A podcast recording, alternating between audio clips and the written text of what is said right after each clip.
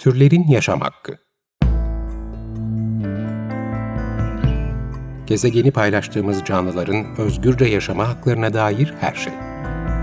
Hazırlayan ve sunanlar Işıl Karaelmaz ve Melike Dirikoç.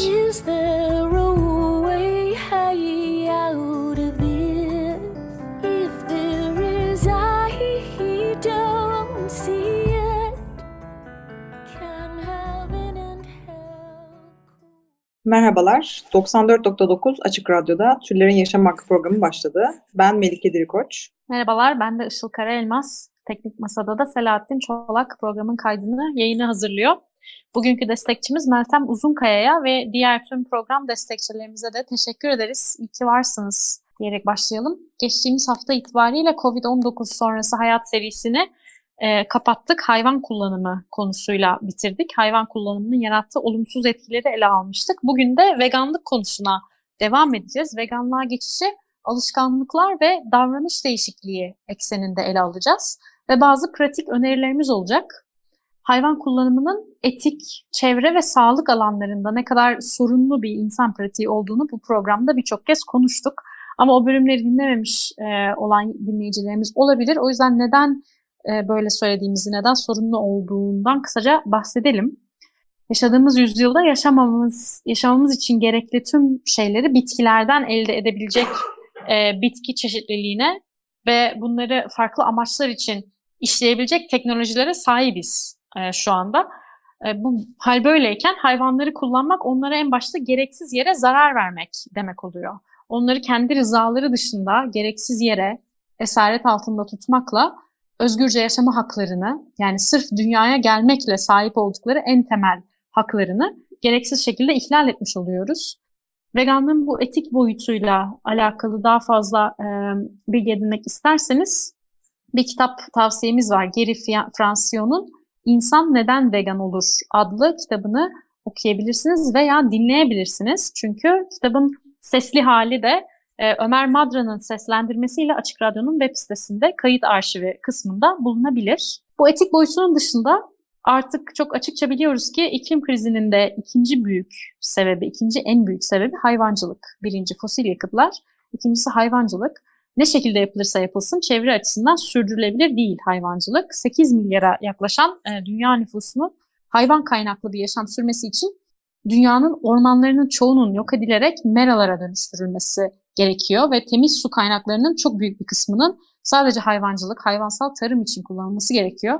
Ve hayvanlar için üretilen tonlarca gıdanın e, yine hayvanlara kullanılması insanlar yerine e, gerekiyor. Ve de tabii sera gazı salınımı da cabası. Hayvancılığın gezegende yarattığı e, yıkıma dair bu tür verilerin detaylarını daha önce de sıkça bahsettiğimiz Cowspiracy belgeselinden alabilirsiniz veya e, www.cowspiracy.com web sitesinden de bulabilirsiniz. Ve son olarak tabii yaşadığımız e, bugünlerde yaşadığımız pandemiden de biliyoruz ki bu salgınların yaşanma riski hayvanların doğal olmayan şekilde topluca bir arada tutulması ve insan temasının sağlanmasıyla çok ciddi oranda artıyor. Yani dünya vegan olsaydı belki de şu anda böyle bir pandemi yaşamıyor olacaktık. Bununla beraber tabii dünyada ölüm nedenleri arasında yine ilk sıralarda olan kanser veya kalp damar hastalıklarının da hayvansalları tüketmekle olan güçlü e, korelasyonuna dair de çok fazla araştırma var. Şimdi diyelim ki bütün bu nedenleri araştırdık, anladık ve de mantıklı bulduk ve karar verdik.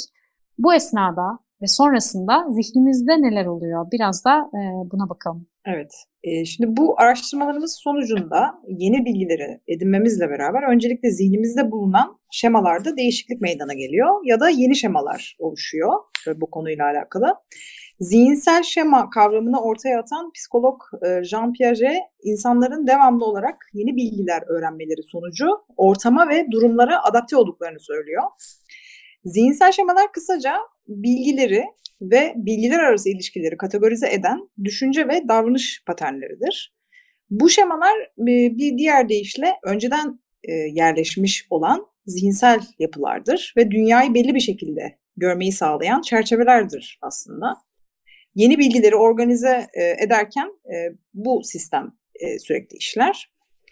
Hayvan kullanım açısından örnek vermek gerekirse zihnimizde kültürel ve sosyal öğrenme ile yerleşmiş olan şema şudur.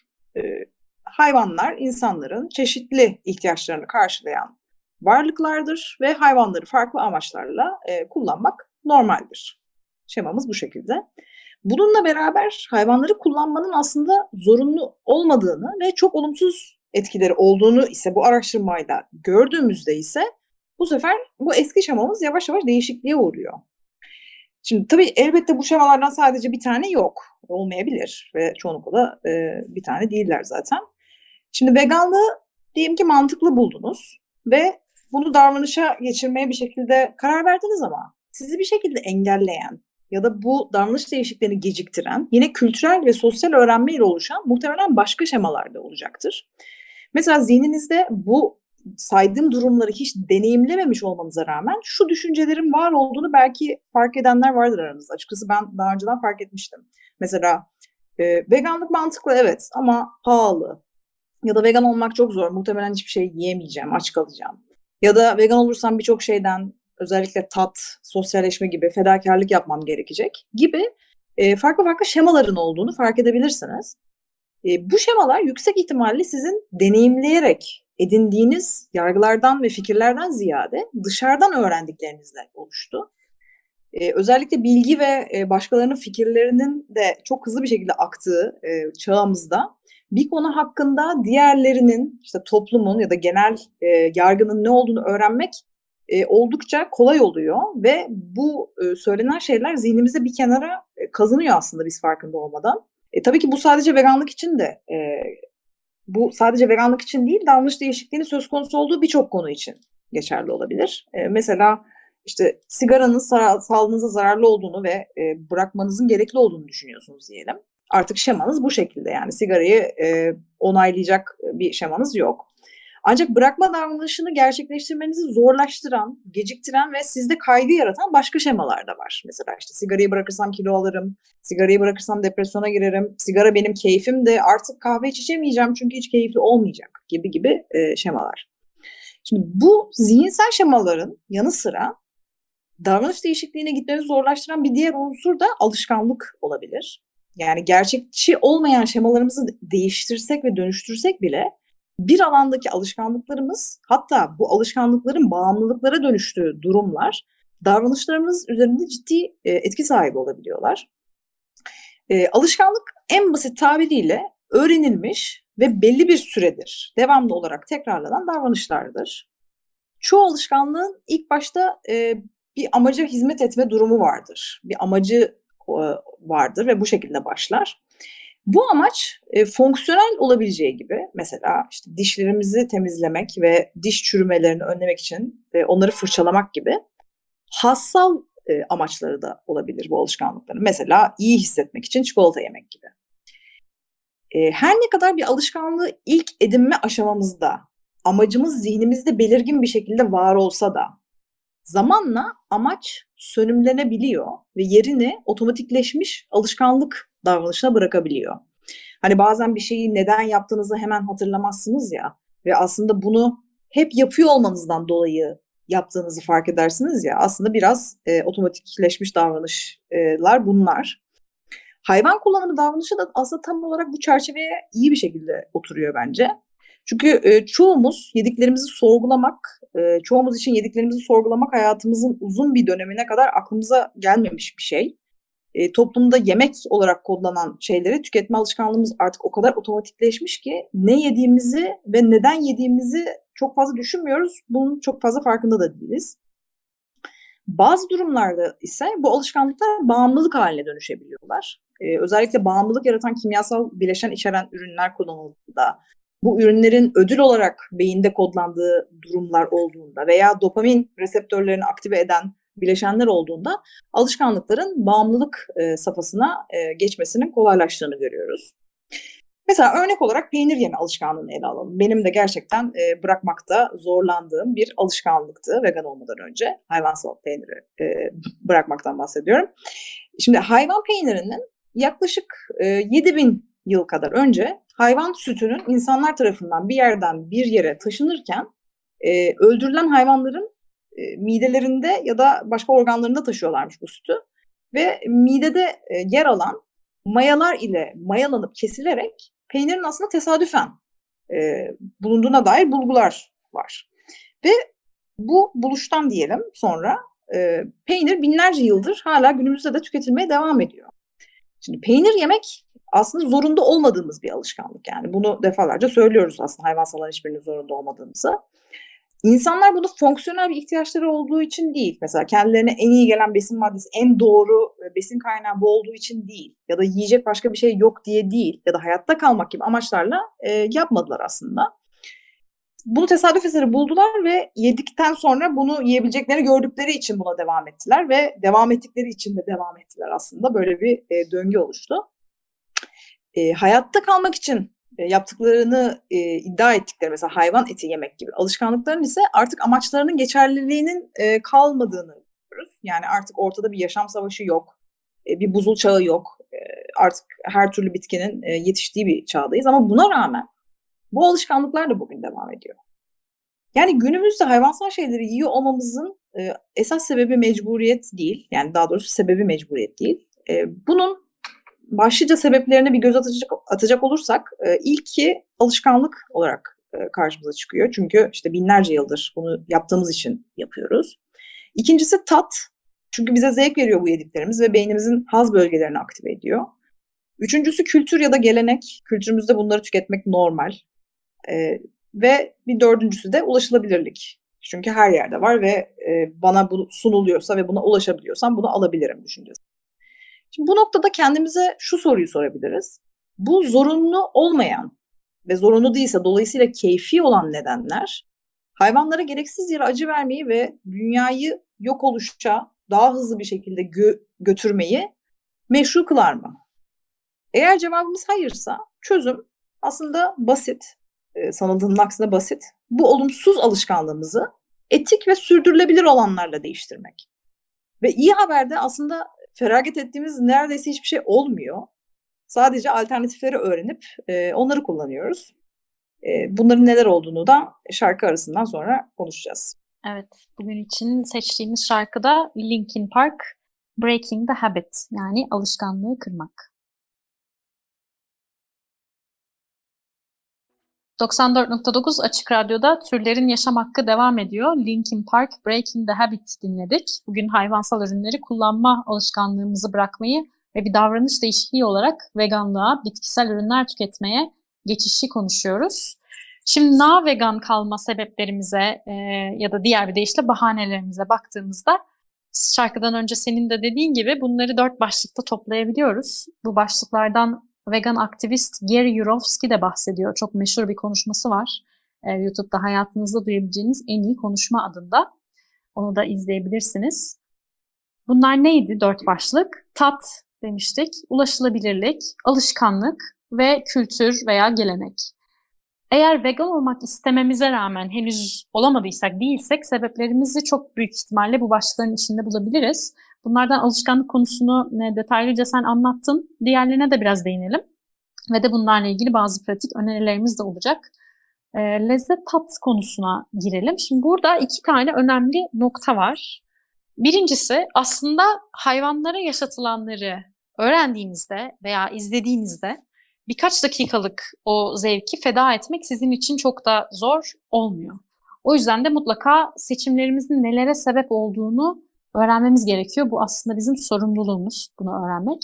Ama sonuçta bunu öğrensek bile, izlesek bile belgeselleri sonuçta insanız ve mükemmel değiliz. Unutuyoruz e, gördüklerimizi veya da nefsimiz galip geliyor ve bu etik doğruların önüne geçebiliyor.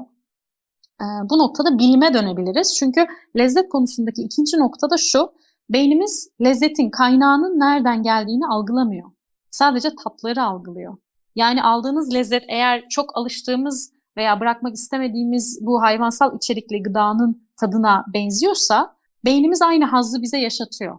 Ve iyi haber de şu ki hayvansal içeriklerle yapılan çoğu gıdanın bitkisel içeriklerle yapılması artık mümkün ve lezzeti de çok benziyor. Çünkü lezzeti veren aslında içerik e, içindeki hayvansallar değil, eklenen soslar ve baharatlar oluyor. E, tat meselesini şimdilik e, burada bırakalım. İkinci konu ve çok önemli bir konu ulaşılabilirlik demiştik veya erişim kolaylığı, convenience diye de geçiyor İngilizcesinde. E, çünkü na-vegan bir dünyadayız. Yani her yanımız ne yazık ki bu hayvan sömürüsüyle elde edilmiş şeylerle dolu. Hayvanların mal veya kaynak olarak görüldüğü ve bedenlerinin ürünleştirildiği bir sistemin içinde yaşıyoruz. Binlerce yıldır ve en hızlı, en kolay ulaşabileceğimiz şeyler genellikle hayvansal içerikli oluyor. Ancak buna mecbur olmadığımızı ve yaşamlarımızda ufak birkaç değişiklik ve ufak bir birkaç yeni alışkanlıkla tamamen bitkisel yaşamaya kolayca geçebileceğimizi vurgulamak istiyoruz bugün. Çünkü veganlaşmak sanıldığı kadar zor veya aşırı değil. Bu bitkisel alternatiflere ulaşmak artık çok çok kolaylaştı.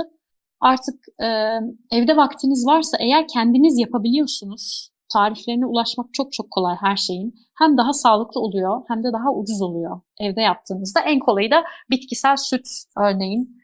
Peynir ve yoğurdu da evde yapmak mümkün.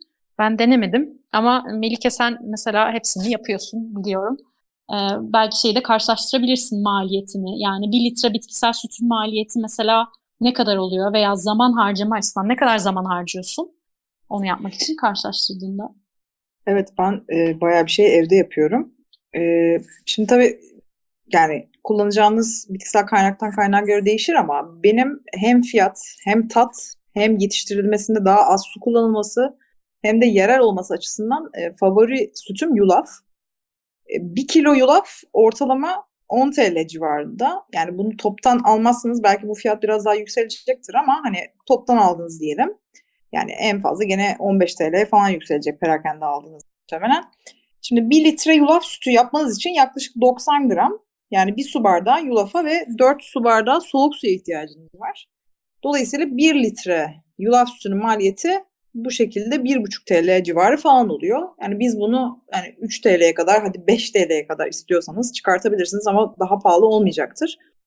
Daha pahalı bir malzeme olan bademle bile aslında evde yaptığınız peynirler zannedildiği kadar böyle pahalı değil. Zaten bademin aslında Türkiye'de yetişmesinden dolayı pahalı olması e, gene başka sorunlara işaret ediyor ama bu bambaşka e, bir yayının konusu herhalde.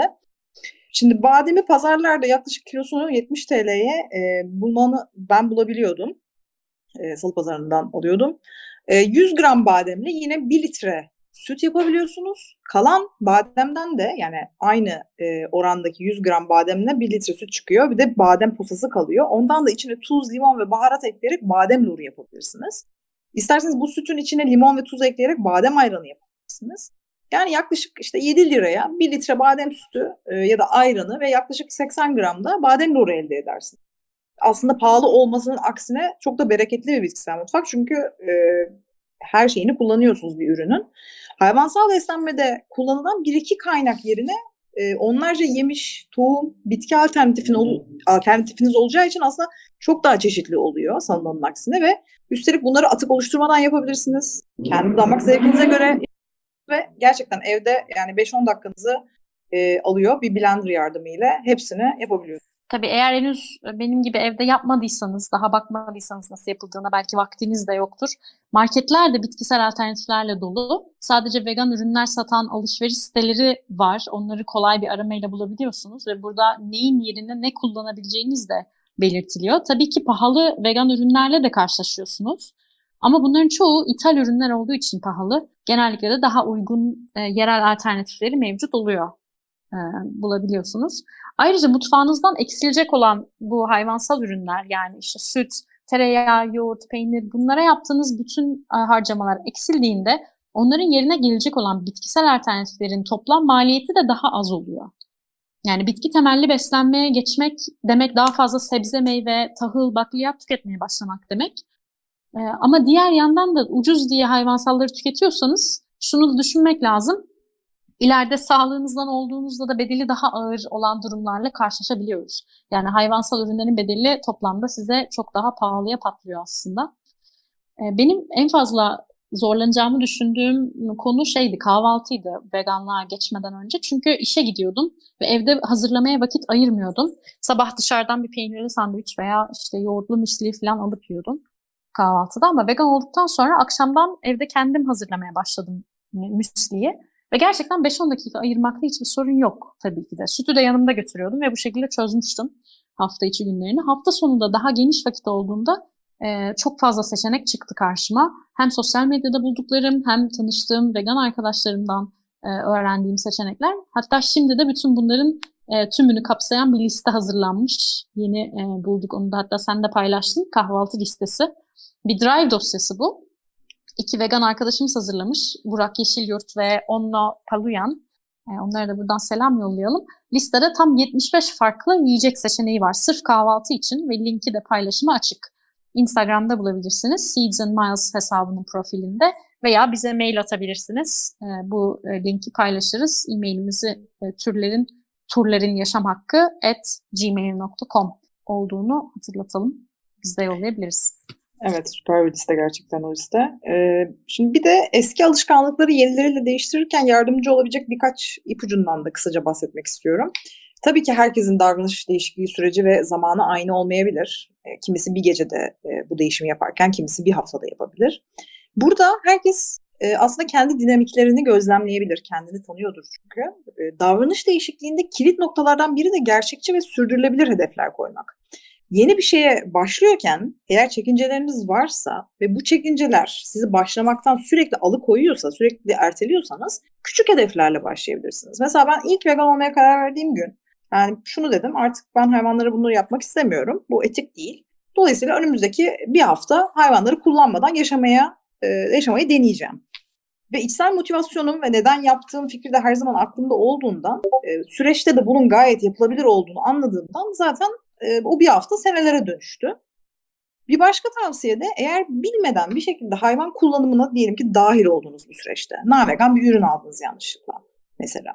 Bu sizin uzun vadeli davranış değişikliği hedefinizi etkilemesin. Çünkü veganlık yasakların olduğu bir oruç değildir. E, bu bir zihniyet değişikliği ve bunun sonucunda da hayvan kullanımını boykot ediyorsunuz aslında ve sömürüsüz ve sürdürülebilir bir yaşama geçmek sizin esas hedefiniz. Tekil olaylar veganlığı bırakmanız için e, bir neden olmasın. Çünkü bu tıpkı şunun gibi olur. Diyelim ki dilinizdeki cinsiyetçiliği silmeye çalışıyorsunuz ama arada istemeden de olsa cinsiyetçi bir ifade kullandığınızda tamam o zaman ben bu cinsiyetçi ifadeyi kullandım o zaman geri e, o cinsiyetçi dile geri döneyim demek gibi bir şey olur aslında. E, bu sürede e, gerçekten hani sakin olmak lazım. Bir süre sonra zaten göreceksiniz yeni düzeniniz yerine çok güzel bir şekilde oturuyor ve es, eski alışkanlıklarınız size garip gelmeye başlıyor. Evet, aynen öyle. Bir de ulaşılabilirlikle ilgili e, diğer önemli bir konu var bence. E, büyük ihtimalle karşılaşacağımız ondan da bahsedelim. Bu da sosyal buluşmalar konusu. Dışarıda veya evlerdeki e, toplaşmalarda ne yiyeceğinizi düşünmeye başlayacaksınız tabii. E, onun da çok basit çözümleri var. Restoran, kafe gibi yerlerde eğer tabii vegan bir yer değilse burası, vegan seçenekler diğerleri kadar çok olmayabiliyor. Ee, ama menülere bu gözle bakmaya başladığınızda mutlaka veganları da görmeye başlıyorsunuz. Bir salata, işte domatesli makarna, patates kızartması gibi şeyler olabiliyor. Tabii bu tür buluşmalar her gün de olmadığı için özellikle şu dönemde e, illa da muhteşem bir vegan yemek beklentisine girmeye e, gerek yok. Keyif kaçırmaya da gerek yok. Sonuçta maksat sosyalleşmek oluyor bu toplantılarda. Veya benim genelde yaptığım şu, e, böyle yerlerde istediğim yemeği veganlaştırmalarını rica ediyorum ve çoğunlukla da yapıyorlar. Mesela pizza varsa pizzaya peynir koymayıp daha çok sebze koymalarını rica ediyorum. Veya kahvaltıdaysak tabağıma peynir yerine daha fazla zeytin, domates koymalarını istediğimde hiç reddedilmedim. E, hatta kendi vegan peynirimi yanımda götürüp ekliyordum. E, yine başka bir e, ipucu da dışarıda geçireceğiniz günler e, olacaksa çantanıza mutlaka biraz leblebi kuru yemiş atmak da çok kurtarıcı oluyor. Bir de ev buluşmaları var. Ev buluşmalarıyla ilgili de e, eğer o buluşmadaki tek vegansanız şöyle bir şey yapabilirsiniz. Genellikle bu tür toplanmalarda başkasının evine gittiğimiz için herkes bir şeyler yapıp veya alıp götürüyor. Siz de bir iki vegan alternatif hazırlayıp veya alıp götürdüğünüzde hem arkadaşlarınızı da vegan lezzetlerle tanıştırmış oluyorsunuz. Ee, şimdi son olarak dördüncü meselede kültür ve gelenek demiştik. Sosyal çevreniz, aileniz, evde birlikte yaşadığınız vegan olmayan kişiler size hayvansal ürünler içeren kültürümüzü sıkça hatırlatmaya başlayabilirler eleştiriler alabilirsiniz, belki sorgulamalarla karşılaşabilirsiniz. Böyle durumlar için e, yapılabilecek en önemli şey bilgilenmek. Yani veganlığın her boyutunu iyi araştırıp öğrenirseniz hem faydalı ve verimli sohbetler gerçekleştirirsiniz hem de bilgi verebilirsiniz. Örneğin sağlık konusunda bilgilenmek en önemli şeylerden biri. En çok soru buradan geliyor. Yani neden veganlık daha sağlıklı? Bununla ilgili e, What the Health sağlık komplosu Türkçesiyle belgeselini izlemenizi öneririz. Daha fazla kaynak için de bize her zaman yazabilirsiniz. Onun dışında bildiğiniz gibi gezegen için, iklim için neden hayvansalları bırakmalıyız? Ve tabii bizce en önemlisi de bizim hayvansal tüketmemizin hayvanlara ödettiği bedel ne gibi e, bu konularda bilgili olmak, doğru bilgiyi yaymak açısından çok önemli. 94.9 Açık Radyo'da Türlerin Yaşam Hakkını dinlediniz. Bugün veganlığa geçişi, alışkanlıklar ve davranış değişikliği ekseninde konuştuk. Bazı kolaylaştırıcı öneriler paylaşmaya çalıştık. Bahsettiğimiz kaynakları isteyenlerle e-mail yoluyla paylaşabiliriz. E-mailimiz turlerinyasamakki.gmail.com Ben Melike Dirikoç. Ben de Işıl Karaelmaz. Dinlediğiniz için çok teşekkürler. Haftaya görüşürüz. Görüşmek üzere, hoşçakalın. Türlerin Yaşam Hakkı Gezegeni paylaştığımız canlıların özgürce yaşama haklarına dair her şey. Hazırlayan ve sunanlar Işıl Karaelmaz ve Melike Dirikoç.